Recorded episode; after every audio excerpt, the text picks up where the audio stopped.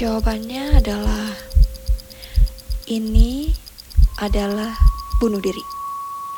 Bisa jadi bukan? Karena hampir mustahil penjahat melakukan pembunuhan di ruang tertutup di hotel ini. Pasti akan ketahuan bila ada sesuatu yang mencurigakan di layar CCTV. Kesimpulan yang cukup emosional. Kalau hotel itu adalah hotel bintang 5 gitu loh. Pasti penjagaannya dan keamanannya super tingkat tinggi. Di depan hotel aja ada pengecekan berlapis. Nih ya, mulai dari pengecekan barang, benda tajam, detektor logam, pengecekan identitas. Belum lagi banyak terpasang CCTV. Apa pun semuanya pasti dicek dan dimintai keterangan. Hmm, benar juga. Jadi nggak mungkin Pak Sunyato meninggal kalau bukan bunuh diri. Lagi pula kalau ini adalah kasus pembunuhan, seharusnya pihak hotel sudah melaporkan ini ke polisi setempat. Tapi nyatanya kalian malah mengajak kami para tamu hotel untuk bermain tebak-tebakan atas kematian Pak Sunyato. Kalian mikirlah, kalian gak ada hati apa? Hah, bukannya Pak Sunyato ditolongin dibawa ke rumah sakit, eh malah kita yang harus nebak. Menarik sekali penjelasan Ibu Dwi. Lalu, kira-kira Bapak Sunyato bunuh diri karena apa, Ibu? Ya mana saya tahu. Saya bukan saudaranya, bukan sepupunya, kenal aja enggak. Paling ketemu beliau di resepsionis.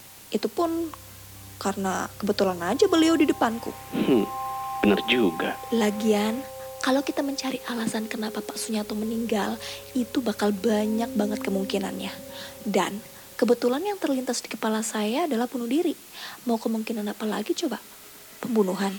Mustahil. Santet ilmu hitam. Gak mungkin.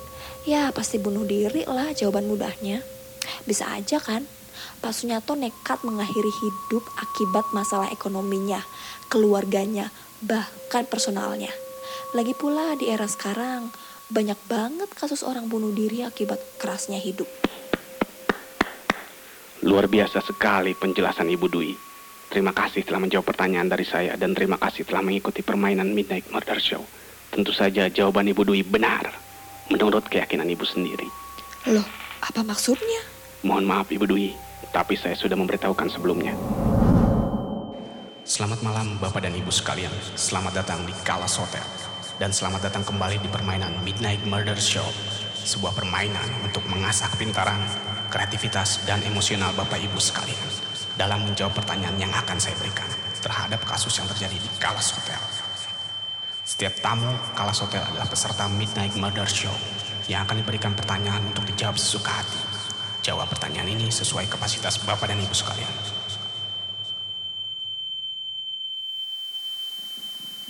Duh, ribet banget sih. Kalau gitu, jawaban yang sebenarnya apa? Jawaban yang sebenarnya adalah Bapak Sunyato memang ditemukan meninggal setelah mengkonsumsi makanan yang dia suka tanpa tahu bahwa makanan yang dimakan berasal dari daging tumor yang dimasak oleh saudara perempuannya sendiri. Sebelum menuju Kalas Hotel, Bapak Sunyato menyantap daging sate buatan saudara perempuannya. Saudara perempuannya tidak tahu bahwa daging yang dibawa Bapak Sunyato adalah daging tumor ganas yang berasal dari hasil operasi Bapak Sunyato sendiri. Bapak Sunyato memang sudah menderita tumor ganas selama beberapa tahun terakhir. Oleh karena itulah, dia meninggal. Astaga, ew. menjijikan sekali. Eh, eh, eh, loh, loh, loh, loh, loh, loh, kok badanku oleng? Ah, kok tiba-tiba aku ngantuk banget?